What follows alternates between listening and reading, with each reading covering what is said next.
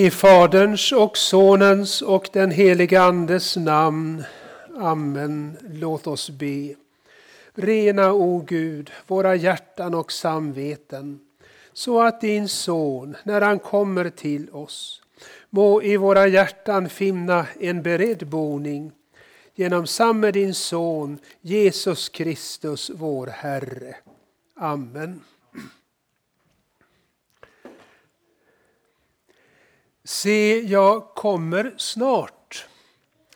Ja, så heter det i Bibelns sista bok att Jesus hälsar oss från sin församling.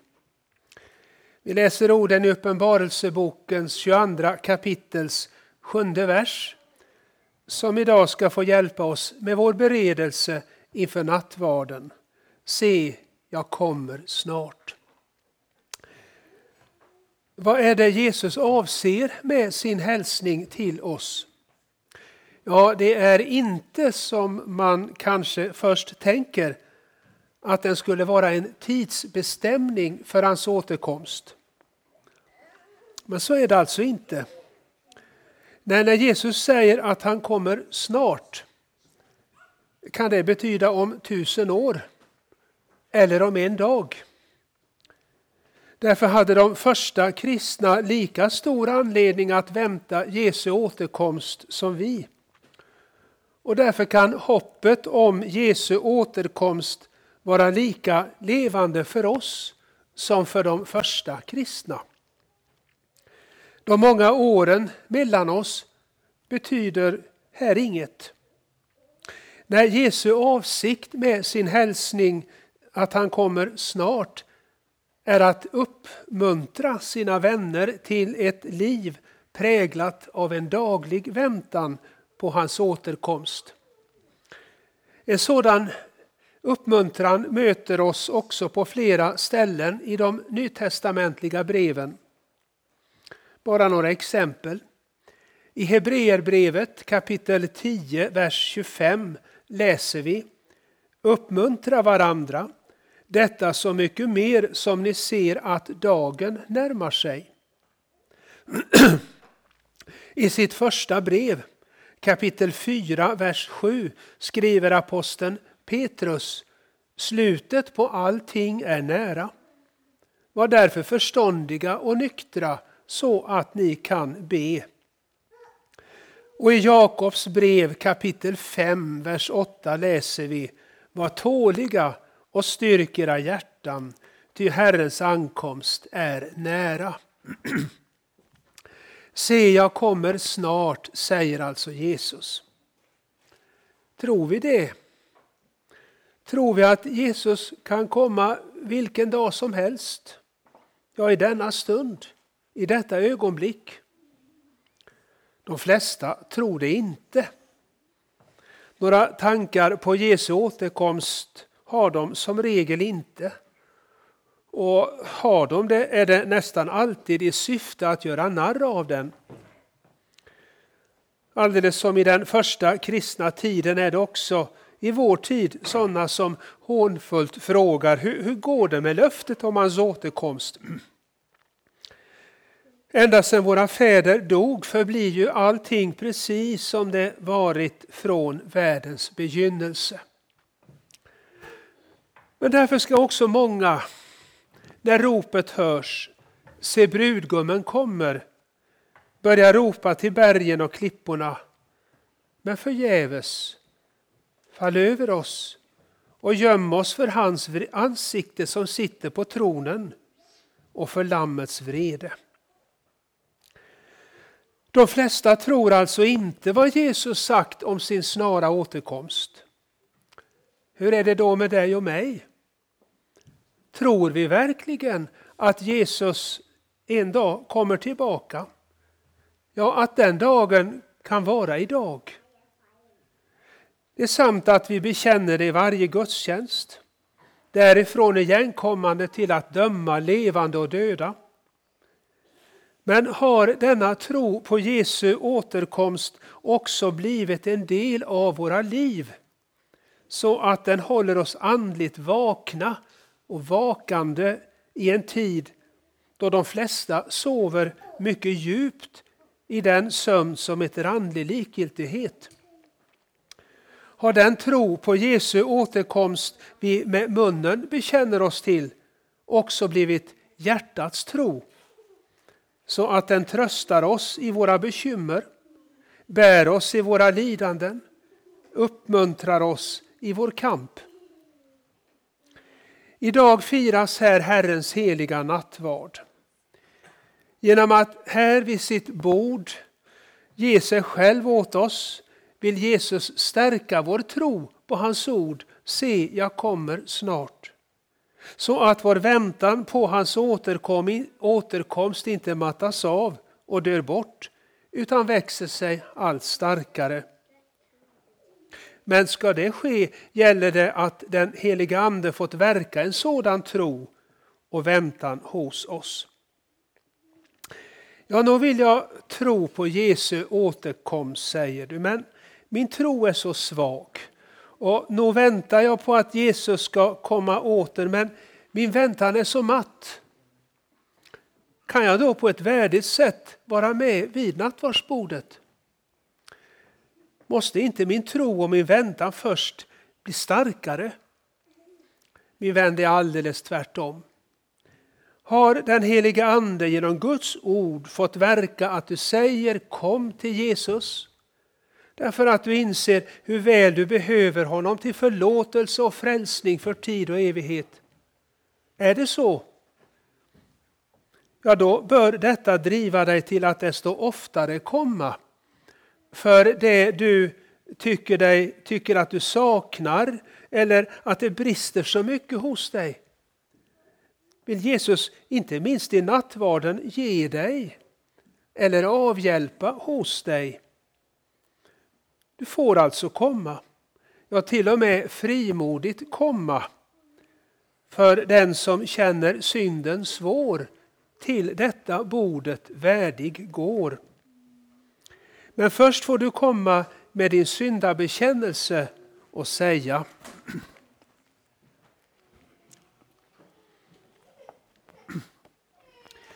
Jag bekänner inför dig, helige Gud, att jag ofta och på många sätt har syndat med tankar, ord och gärningar. Tänk på mig i barmhärtighet och förlåt mig för Jesu Kristi skull vad jag har brutit. Herre, hör nu varje hjärtas tysta bekännelse.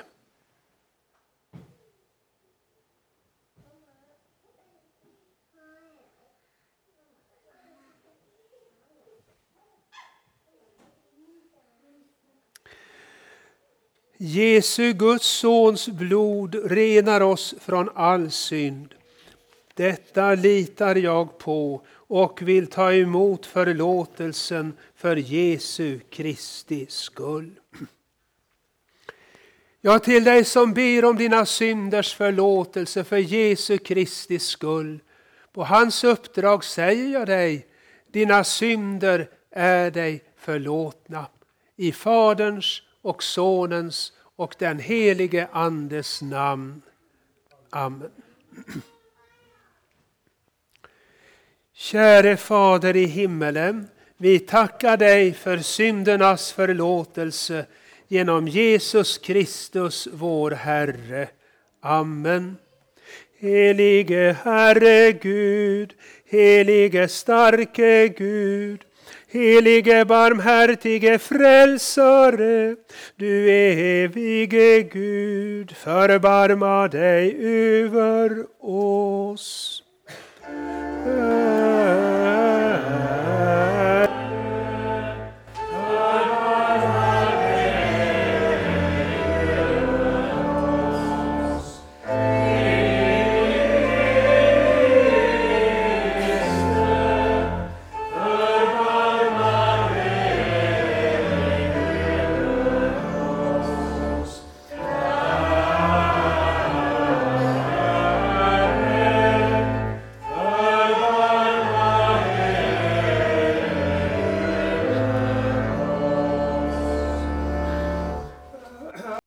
Ära åt Gud i höjden och frid på jorden bland människor som han älskar.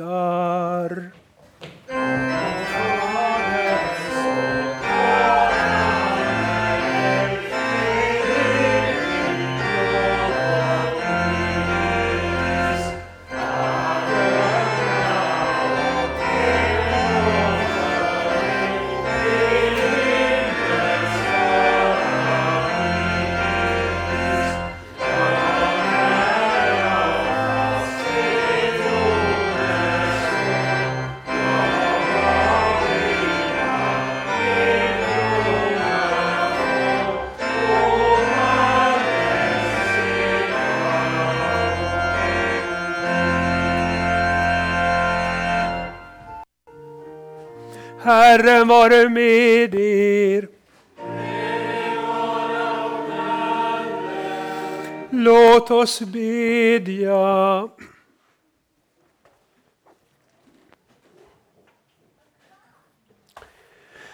Herre vår Gud, du som kallar oss till ditt rike. Hjälp oss att inte somna i synden, utan alltid vaka och bedja så att vi får gå in i den eviga bröllopsglädjen genom din son Jesus Kristus, vår Herre. Amen. Hör Herrens ord i andra årgångens läsningar på söndagen före domsöndagen och först den gammaltestamentliga läsningen från profeten Sefanjas bok, det tredje kapitlet. Och den återfinns, om ni följer texten i evangelieboken under första årgången. Men det står kanske här också, ja. Vänta på mig, säger Herren, på dagen då jag reser mig för att ta byte, för detta är mitt domslut. Jag ska samla folk och hämta riken för att ösa min vrede över dem, hela min glödande harm, för hela jorden ska förtäras av min lidelses eld. Då ska jag ge folken renade läppar, och de ska alla åkalla Herrens namn och tjäna honom tillsammans. Från landet bortom Nubiens floder ska mina tillbedjare, mitt förskingrade folk, frambära offer åt mig. På den dagen ska du inte behöva skämmas för alla överträdelser du har begått mot mig, för då ska jag rensa bort ur dig de som stoltserar i högmod hos dig, och du ska inte längre förhäva dig på mitt heliga berg. Men jag ska lämna kvar i dig ett folk som är ödmjukt och svagt och, som, och har sin tillflykt i Herrens namn. De som är kvar av Israel ska inte göra orätt eller tala lögn, och ingen falsk tunga ska finnas i deras mun. De ska få beta och lägga sig ner utan att någon eh, skrämmer dem. Jubla, dotter Sion, ropa av glädje, Israel. Var glad och fröjda dig av hela ditt hjärta, dotter Jerusalem. Herren har tagit bort straffdomarna från dig och röjt bort din fiende. Herren, Israels kung, bor i dig. Du ska aldrig mer frukta något ont. På den dagen ska det sägas till Jerusalem, var inte rädd, Sion, låt inte dina händer sjunka. Herren, din Gud, bor i dig, en hjälte som frälser. Han glädjer sig över dig med lust, han tiger stilla i sin kärlek, han fröjdas över dig med jubel så ska vi bedja dagens alternativa saltarsalm nummer 130, verserna 1 till och med 8. Eh, jag läser, börjar och ni eh, läser de indragna verserna. En pilgrimssång, ur djupen ropar jag till dig, Herre. Herre, hör min röst, låt dina öron till mina rop om nåd. Om du, Herre, tillräknar synder, Herre, vem kan då bestå? Men hos dig finns förlåtelse för att man ska hörda dig. Jag väntar på Herren, min själ väntar och jag hoppas på hans ord. Min själ längtar efter Herren mer än väktarna efter morgonen, mer än väktarna efter morgonen. Israel hoppas på Herren. För oss Herren finns nåd, full lösen finns hos honom. Han ska friköpa Israel från alla dess synder. Ära vare Fadern och Sonen och den helige Ande.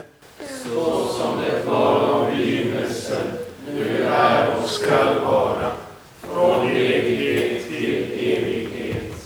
Amen. Hör också Herrens ord i dagens epistel, som står skrivet i Andra Korintierbrevets trettonde kapitel. Pröva er själva om ni lever i tron, granska er själva. Eller vet ni inte med er att Jesus Kristus är i er? Om inte, så består ni inte provet. Men jag hoppas att ni ska förstå att vi består provet. Vi ber till Gud att ni inte ska göra något ont, inte för att vi ska visa oss bestå provet, utan för att ni ska göra det som är gott. Sedan får det gärna se ut som om vi inte klarade provet. Vi kan ju inte göra något mot sanningen, utan bara för sanningen. Vi är glada när vi är svaga och ni är starka. Och vad vi ber, ber om är just detta, att ni ska nå allt större mognad. Så lyder Herrens ord. Gud, vi tackar dig.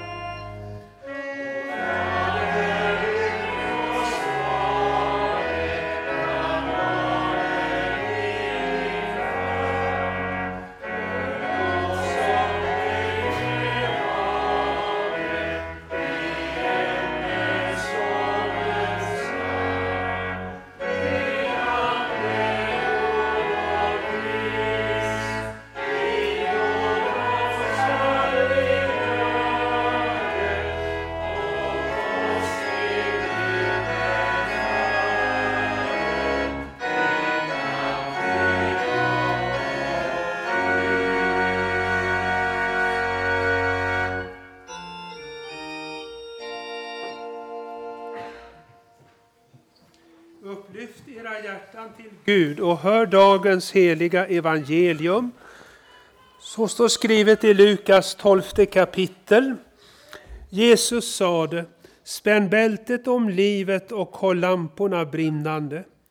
Var som tjänare som väntar sin herre hem från bröllopsfesten och som genast är redo att öppna för honom när han kommer och knackar på.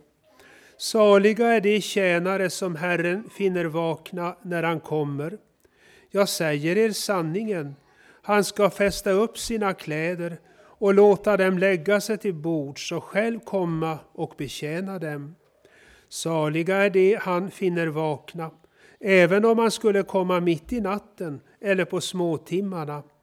Men det förstår ni, att om husägaren hade vetat när tjuven kom, då hade han inte låtit någon bryta sig in i hans hus. Var beredda också ni, för Människosonen kommer när ni inte väntar det. Så lyder det heliga evangeliet. Lovad vare du, Kristus.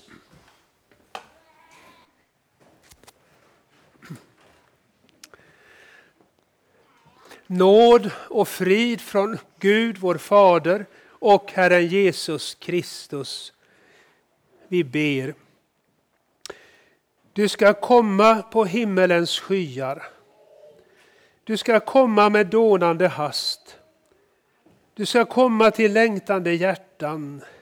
Ja, amen, kom Herre Jesus. Du ska komma och hjälp mig att vaka. Du ska komma, förlåt mig min synd. Du ska komma, jag bävar och längtar. Ja, amen, kom Herre Jesus. Du ska komma, min konung, min brudgum. Du ska komma, min broder och vän. Du ska komma, min älskade Herre. Ja, amen, kom Herre Jesus. Amen. Stanna här och vaka. Detta som Jesus sa till de tre som fått följa honom längst in i Örtagå, in i ett semane. Det säger han till sina lärjungar i alla tider. Han säger som vi läser i Markus kapitel 14, vers 34. Stanna här och vaka. När Jesus i dopet eller i en sann omvändelse gör en människa till sin lärjunge låter han henne inte genast komma till himlen. Han kan göra det och han gör det om han i sin outgrundliga vishet och kärlek finner att, att det är det bästa. Men detta är snarare undantag än regel. Det vanliga är att de som blir Jesu lärjungar får stanna här en längre eller kortare tid. Så länge Jesus ser att hans lärjungar behöver det för sin egen andliga tillväxt och mognad eller att de kan vara till nytta för sina medmänniskor och då särskilt till nytta för deras själar, säger han, stanna här. Men även om det blir en mänskligt sett lång tid Jesu lärjungar får stanna här har den ändå ett slut då Jesus kommer för att hämta dem hem till sig i himlen. Själen i dödens stund och kroppen på uppståndelsens stora dag. För detta möte gäller det att vara redo. Att Jesu lärjungar nu är redo är ingen garanti för att de alltid ska vara det. När Jesus dröjer är det lätt hänt att de börjar slumra till i sin kristendom. Och den faran är så mycket större som de flesta runt omkring dem i andlig mening sover. Sömnen har ju en märklig förmåga att smitta av sig. Därför säger Jesus inte bara stanna här utan också vaka. Vi ska ta fasta på detta enda men så viktiga ord. Det får bli det ämne vi nu en stund ska stanna inför. Vaka. Och vi ska ställa tre frågor till vårt korta ämne. Först, varför ska vi vaka? Varför? På den frågan ger oss evangeliet framförallt två svar. Först detta, Jesus ska komma tillbaka. Jesus ska komma tillbaka. Det är, en, det är en sanning som möter oss på mer än 300 ställen i Nya Testamentet. Strax före sin död talade Jesus utförligt med sina lärjungar om sin sista ankomst. Och i den unga kyrkans förkunnelse intog detta budskap en så viktig plats att aposteln Paulus kunde skriva till de troende i Thessalonika att de hade omvänt sig till att vänta Guds son från himlen. I den första kristna församlingen väntade man också ivrigt på att Jesus skulle komma tillbaka. Och Bibelns sista bok, Johannes uppenbarelse, är framförallt boken om Jesus sista ankomst och de tecken som föregår och förebådar den dagen. Uppenbarelseboken och därmed hela Bibeln mynnar ut i att brudgummen bety Jesus betygar jag kommer snart och att hans trogna brud eller församling svarar med bönesucken Amen, kom Herre Jesus. Hur ska då Jesus komma tillbaka?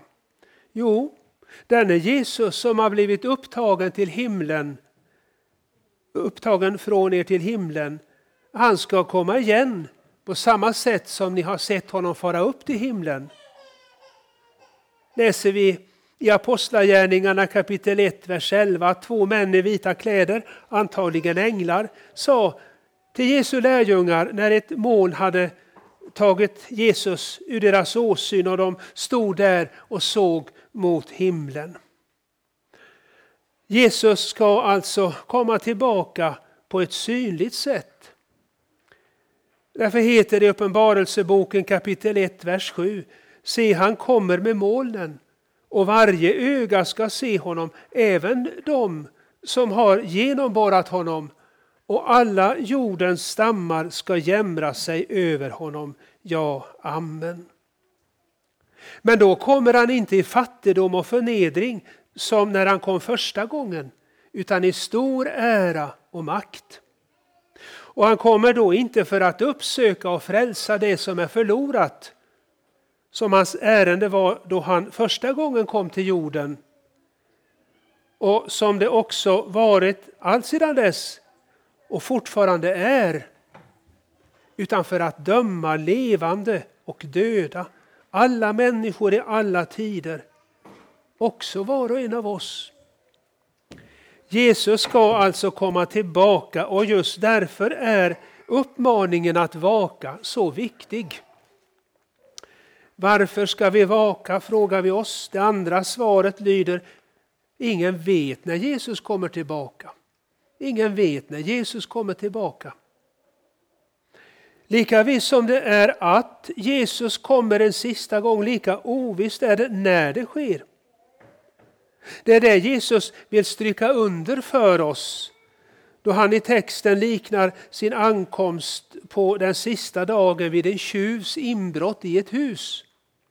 Ingen vet när tjuven kommer. Så vet heller ingen när Jesus kommer. Liksom tjuven kommer oväntat så ehm, kommer också Jesus oväntat. Därför säger Jesus till sina lärjungar, var beredda också ni, för Människosonen kommer när ni inte väntade. Det är alltså inte bara för dem som avfärdar talet om Jesus sista ankomst som tomt prat. Som den sista dagen blir den stora överraskningens dag. Visst blir den det också för dem. De var ju så bergsäkra på, åtminstone utåt, att den dagen aldrig skulle komma. Men också för Jesu lärjungar kommer dagen för Jesus sista ankomst så oväntat, så överraskande.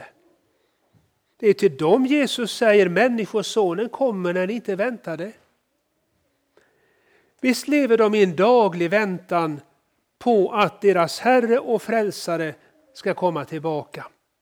Jag vet ej stund, jag vet ej dag, men dagligt ej förbidar jag. De här orden ur en psalm är något av ett levnadsmotto för dem. Men när han kommer blir det ändå en överraskning för dem. För inte kunde de tänka sig att han skulle komma just den dagen. Ingen vet alltså när Jesus kommer tillbaka.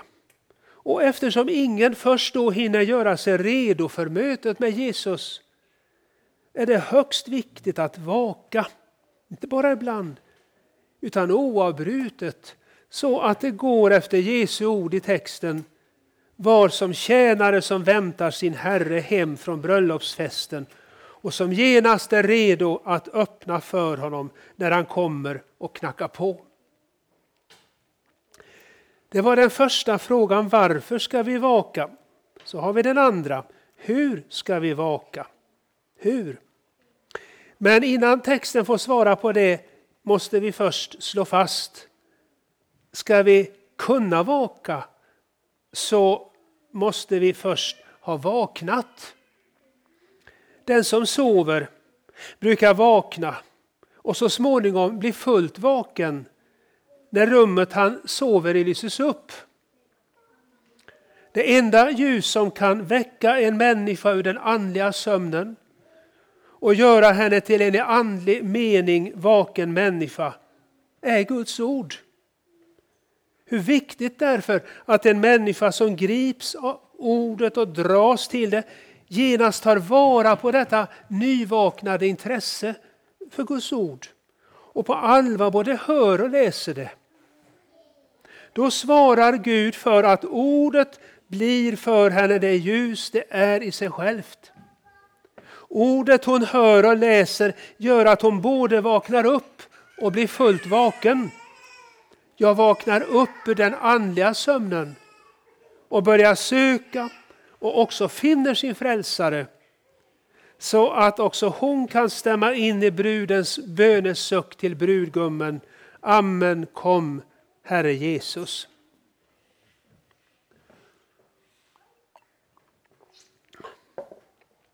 Hur ska vi då vaka?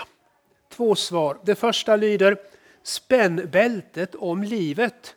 Spänn bältet om livet. Det är ett uttryck som är hämtat från berättelsen om uttåget ur Egypten. Den att Israels barn skulle befrias från sina förtryckare skulle de äta ett felfritt lamm som varje husfar låtit slakta och vars blod han strukit på båda dörrposterna och övre dörrträet i huset där man åt det slaktade lammet. Men när de gjorde det skulle de vara resfärdiga, för uppbrottet skulle ske så hastigt att de redan i förväg måste göra sig i ordning för det. Bland annat skulle de fästa upp sina långa kläder genom att spänna ett bälte om livet eller höfterna. Detta för att inte trassla in sig i sina kläder eller på annat sätt hindras av dem på vägen mot det jordiska ehm, löfteslandet. Så måste också det bindas upp som kan bli en människa till fall och hindra henne att komma framåt på vägen till det himmelska löfteslandet. Och vad, vad, vad är då det? Jo, det är först och sist synden. Som vi hörde i episteltexten på Alla helgons dag från Hebreerbrevets tolfte kapitel. Där det heter i vers 1 när vi har en så stor sky av vittnen omkring oss, låt oss då lägga bort allt som tynger och särskilt synden som snärjer oss så hårt och löpa uthålligt i det lopp vi har framför oss. Till att vaka hör därför att leva i en daglig omvändelse så att inget ouppklarat kommer emellan Jesus och mig och står emellan oss när Jesus kommer på den sista dagen. Jesu lärjunge behöver varje dag fly till sin frälsare med alla sina synder och lägga fram dem för honom i bekännelse och bön om förlåtelse så att han får både leva och dö och uppstå ren och rättfärdig i det slaktade Gudslammets blod. Så har vi det andra svaret på frågan hur vi ska vaka. Håll lamporna brinnande. Håll lamporna brinnande. Lamporna är allt som hör till det yttre i en människas kristendom. Att hon läser sin bibel och ber, firar gudstjänst och går till nattvarden. Och oljan som behövs för att lamporna ska brinna är den av Guds ande tända tron på frälsaren eller innersidan i en människas kristendom. När Jesus säger till sina lärjungar håll lamporna brinnande betyder alltså det se till att det inre och yttre hos oss är i harmoni med varandra. Att fromheten omfattar både hjärta och liv. Att syftet med ordet och bönen, gudstjänsten och nattvarden är att tron på frälsaren både tänds och hålls brinnande. Och finns tron där, och med tro menar jag detta att inte kunna vara Jesus förutan och därför dagligen fly till honom. Då blir man inte överrumplad när Jesus kommer tillbaka. Då är man redo för det sista stora mötet med honom. Även om man blir överraskad, vilket man torde bli. Det var det andra svaret på frågan Ehm, ehm, och så har vi då eh, en tredje och sista eh, fråga till vårt ämne. Vad vinner vi med att vaka? Vad vinner vi med att vaka? Jo, detta. Saliga är de tjänare som Herren finner vakna när han kommer. Jag säger er sanningen. Han ska fästa upp sina kläder och låta dem lägga sig till bords och själv komma och betjäna dem. Saliga är de han finner vakna, även om han skulle komma mitt i natten eller på småtimmarna eller som vi kanske är mera vana att det heter, under andra eller tredje nattväkten. Vad vinner vi med att vakna? Jo, sal, alltså, vad, är, vad, är, vad vi vinner med att vakna är alltså med ett ord salighet. Salighet. Fast salig är en Jesu lärjunge redan här och nu.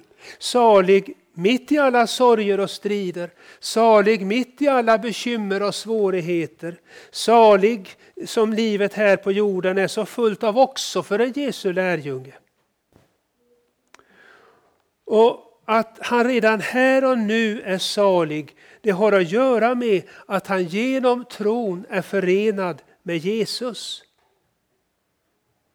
Förlåtelse för alla synder, rättfärdighet inför Gud, hjälp att kämpa mot synden och leva som Gud vill, kraft att bära det som tynger och plågar, trygghet i en allt otryggare värld, frimodighet inför en mörknande framtid, inför döden, domen och evigheten. Se där den salighet Jesus ger sina lärjungar redan här och nu. Men till den salighet vi vinner med att vaka hör framför allt en salig död, en salig uppståndelse och en salig evighet. När mannen i texten kom tillbaka och fann sina tjänare vakna förenade han sig med dem. Så ska Jesus förena sig med var och en som han i dödens stund finner vaken. Men säger du, om jag på grund av sjukdom inte förmår tänka på Jesus i mina sista stunder, måste jag då gå förlorad? Nej min vän, inte om du i hälsans dagar tagit vara på Guds ord, så att du blivit både väckt och vaken. Då är också du bland de saliga Jesus i dödens stund finner vakna och därför förenar sig med och så får en salig död. Och på en salig död följer en salig uppståndelse. När mannen i texten kom hem igen blev det hos honom och hans tjänare en ömsesidig salighet. Hos mannen för att han fann att han var väntad och hos tjänarna för att de såg att deras väntan inte varit förgäves. Så blir det ett möte fyllt av en stor salighet när Jesus och hans lärjungar på uppståndelsens stora dag får möta varandra. Äntligen får lärjungarna med egna ögon skåda honom, de här de älskade utan att se. Men sin högsta höjd ska saligheten nå när brudgummen Jesus slår upp dörrarna till den himmelska bröllopssalen och hälsar sin brud med de underbara orden Gå in i din Herres glädje. Och bjuder henne lägga sig till bords. Och störst av allt, själv kommer och betjänar henne. Men vad den saligheten i själva verket innebär kan ingen här på jorden beskriva. Så det ska jag inte försöka mig på. Det kommer först evigheten att helt och fullt uppenbara. Men vänner, saligt blir det. Därför, käre vän, ta vara på Guds ord medan det ännu lyser för dig. Och håll till i dess klara sken. Då ska ordet vara dina fötters lykta och ett ljus på din stig. Det ska väcka dig ur din andliga slummer och göra dig till en andligt vaken människa som förstår att välja den goda delen som är Jesus själv. Så att han blir din, blir din salighet.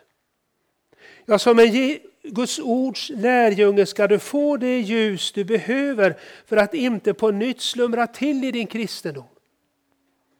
Du ska få hjälp att mitt i en mörk och sömnaktig omvärld kunna hålla dig vaken ända tills väntans tider är förbi och ropet ljuder att brudgummen kommer och du får kasta allt du har för händer och ila till hans möte som är din frälsare och bäste vän. Amen. Ära vare Fadern och Sonen och den helige Ande, så som det var av begynnelsen, nu är och skall vara, från evighet till evighet. Amen. Låt oss nu tillsammans bekänna vår heliga kristna tro. Vi tror på Gud Fader allsmäktig, himmelens och jordens skapare.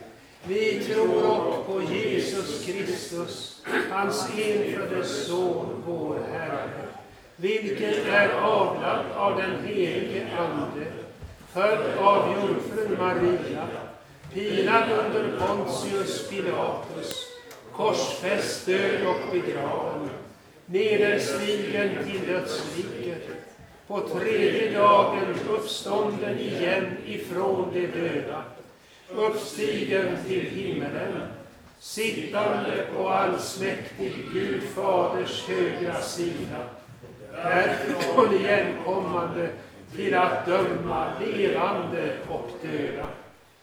Vi tror också på den helige Ande, en helig allmännelig kyrka, det heliga samfund, syndernas förlåtelse, det dödas uppståndelse och ett evigt liv. Då har Simeon några pålysningar att lämna.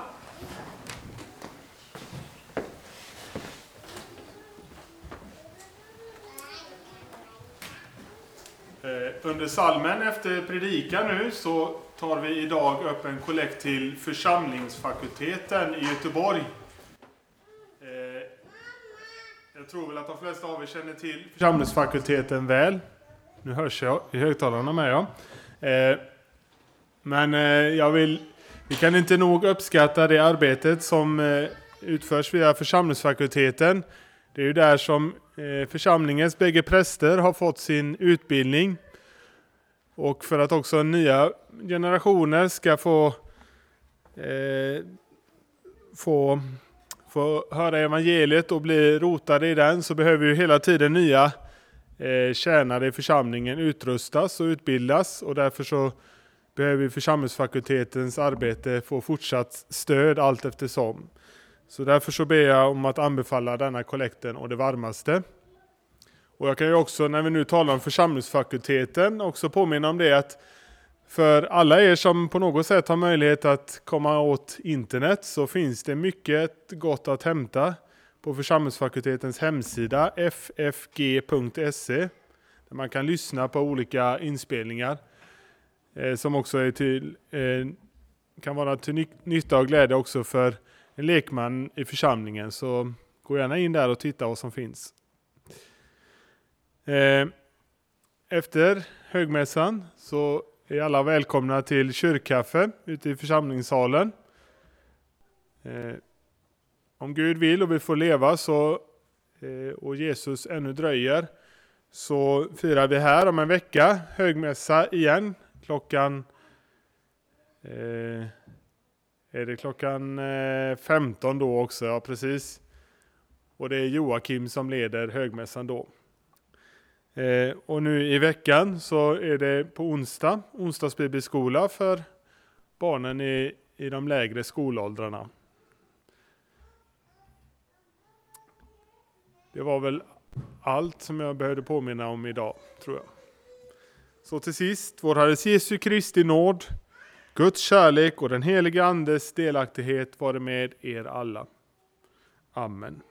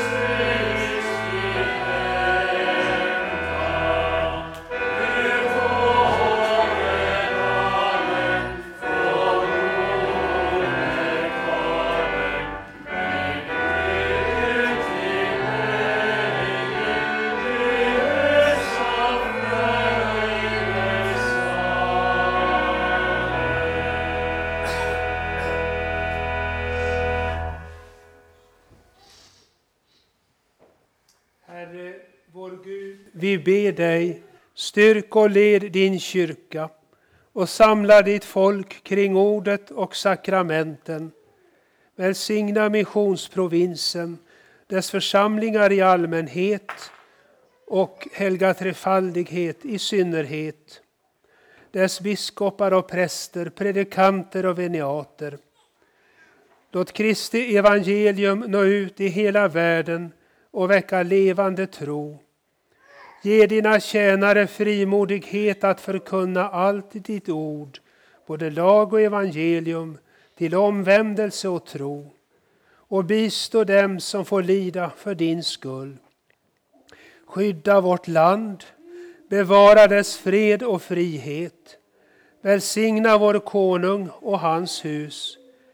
Hjälp dem som fått förtroendet att leda vårt land att besinna det ansvar som därmed blivit lagt på dem och led dem att fatta sådana beslut som blir till vårt lands bästa. Välsigna vårt arbete och hjälp oss att troget tjäna dig. Låt det som blivit sått på våra åkrar växa och bära frukt. Ge världen fred och låt rätt och rättfärdighet råda på jorden. Om detta ber vi särskilt för Ukraina. Jag återställ fred, rättvisa och trygghet för detta land och varje annat land där krig råder. Ge oss av din faderliga nåd vad vi behöver för vårt uppehälle och stärk vår vilja att dela med oss åt varje gott verk. Låt våra hem präglas av trygghet och Guds fruktan och de unga växa upp i kristen tro. Gör Helga Trefaldighets församling till ett hem dit människor kommer för att höra ditt heliga ord och växa i tro. Välsigna oss gäster vid ditt heliga bord, att vi här må stärkas i tro och kärlek och det eviga livets hopp. Håll villfarelse och splittring borta från oss. Kom, Herre, till de sjuka, sörjande och ensamma. Särskilt ber vi för dem som vi nu tyst nämner inför dig.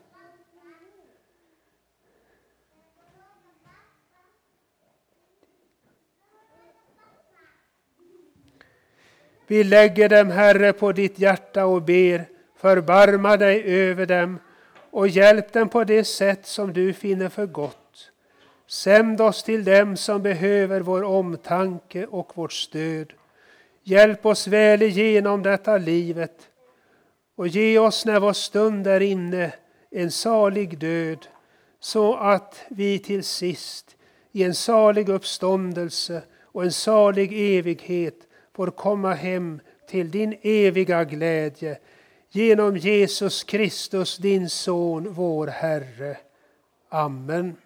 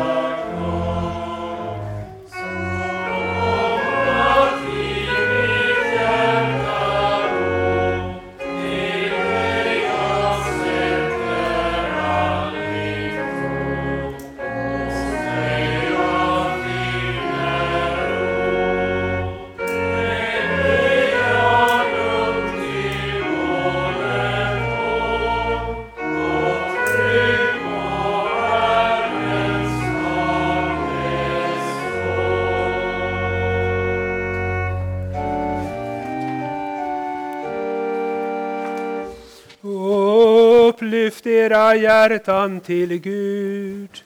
Gud upplyfte våra hjärtan. Låt oss tacka Gud vår Herre.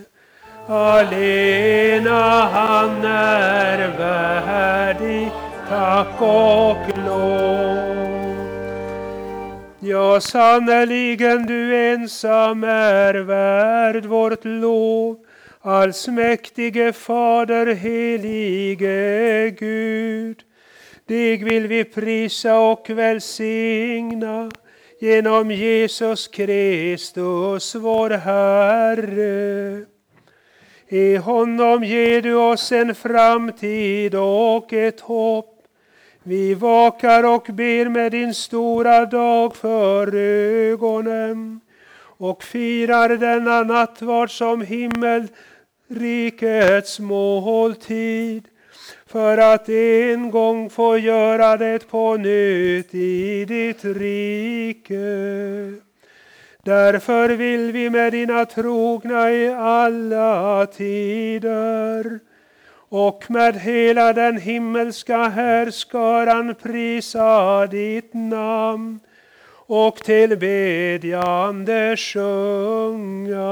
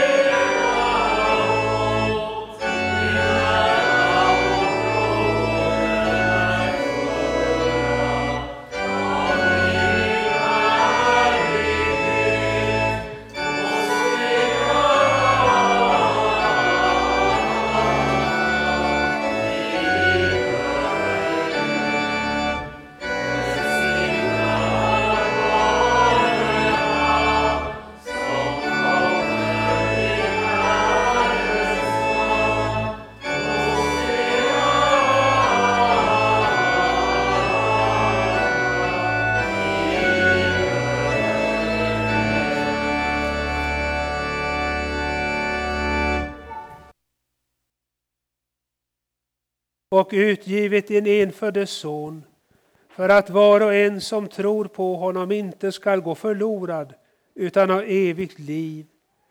Vi tackar dig för den frälsning du skänkt oss genom Jesus Kristus. Bered oss genom din helige Ande att rätt ta emot honom när han kommer till oss i sin heliga nattvard. Den natt då vår Herre Jesus Kristus blev förrådd tog han ett bröd tackade Gud, bröt det och gav åt lärjungarna och sade, tag och ät, detta är min kropp som blir utgiven för er, gör detta till min åminnelse. Likaså tog han kalken, tackade Gud och gav åt lärjungarna och sade, drick av den alla. Denna kalk är det nya förbundet i mitt blod som blir utgjutet för många till syndernas förlåtelse. Så ofta ni dricker av den, gör det till min åminnelse. Din död förkunnar vi, Herre, din uppståndelse bekänner vi till dess du kommer åter i härlighet. Himmelske Fader, skänk oss i denna måltid de välsignade frukterna av din Sons lidande och död, uppståndelse och himmelsfärd. Ge oss liv av hans liv, så att han förblir i oss och vi i honom. I väntan på hans återkomst i härlighet ber vi den bön som han har lärt oss. Fader vår som är Helgat vare ditt namn. Tillkommer ditt rike. Ske din vilja, så som i himmelen, så och på jorden. Vårt dagliga bröd giv oss idag och förlåt oss våra skulder så som och vi förlåta den oss skyldiga är. Och inled oss icke i frestelse utan fräls oss ifrån ondo. Ty riket är ditt och makten och härligheten i evighet. Amen. Brödet som vi bryter är en delaktighet av Kristi kropp. Så är vi, fastän många, en enda kropp. Till alla får vi del av ett och samma bröd. Herrens frid vare med er. O Guds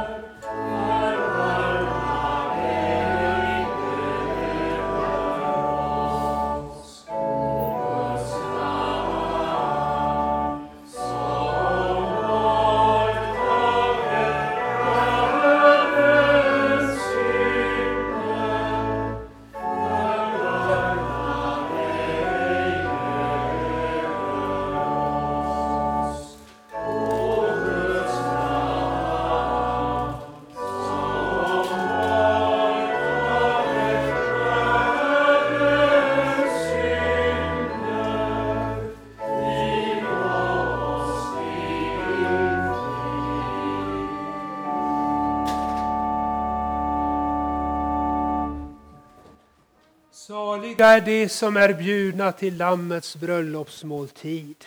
Kom, nu är allt tillrätt. Låt oss tacka och bedja. Allsmäktige Gud, du som är vår framtid och vårt hopp. Vi tackar dig för att du genom din son Jesus Kristus har instiftat denna heliga nattvard till vår tröst och salighet. Vi ber dig, låt denna nattvard fördjupa vår vaksamhet och väntan, så att vi är beredda när Herren Jesus Kristus kommer åter och då med honom få gå in i den eviga glädjen genom samme din son Jesus Kristus, vår Herre. Amen.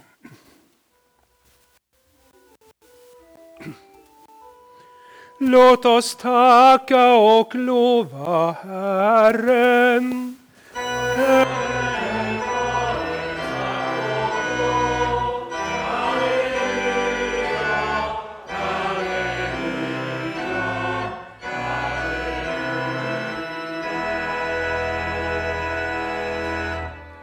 Tag emot Herrens välsignelse.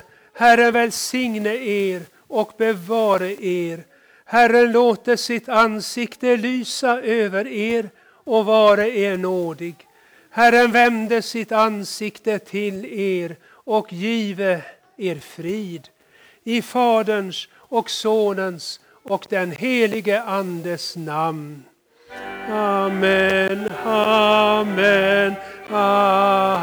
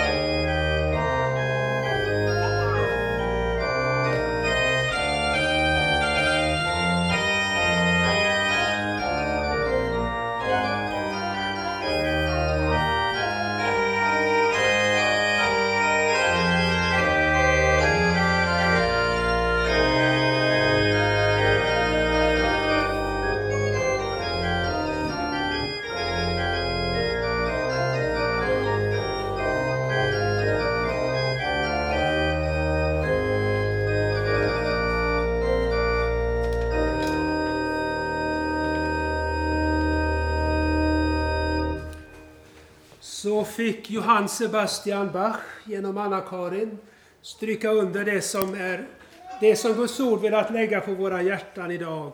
Att vakna, vaka och vänta. Vår högmässa är slut och vi får gå i frid i vår Herres Jesu Kristi namn. Amen.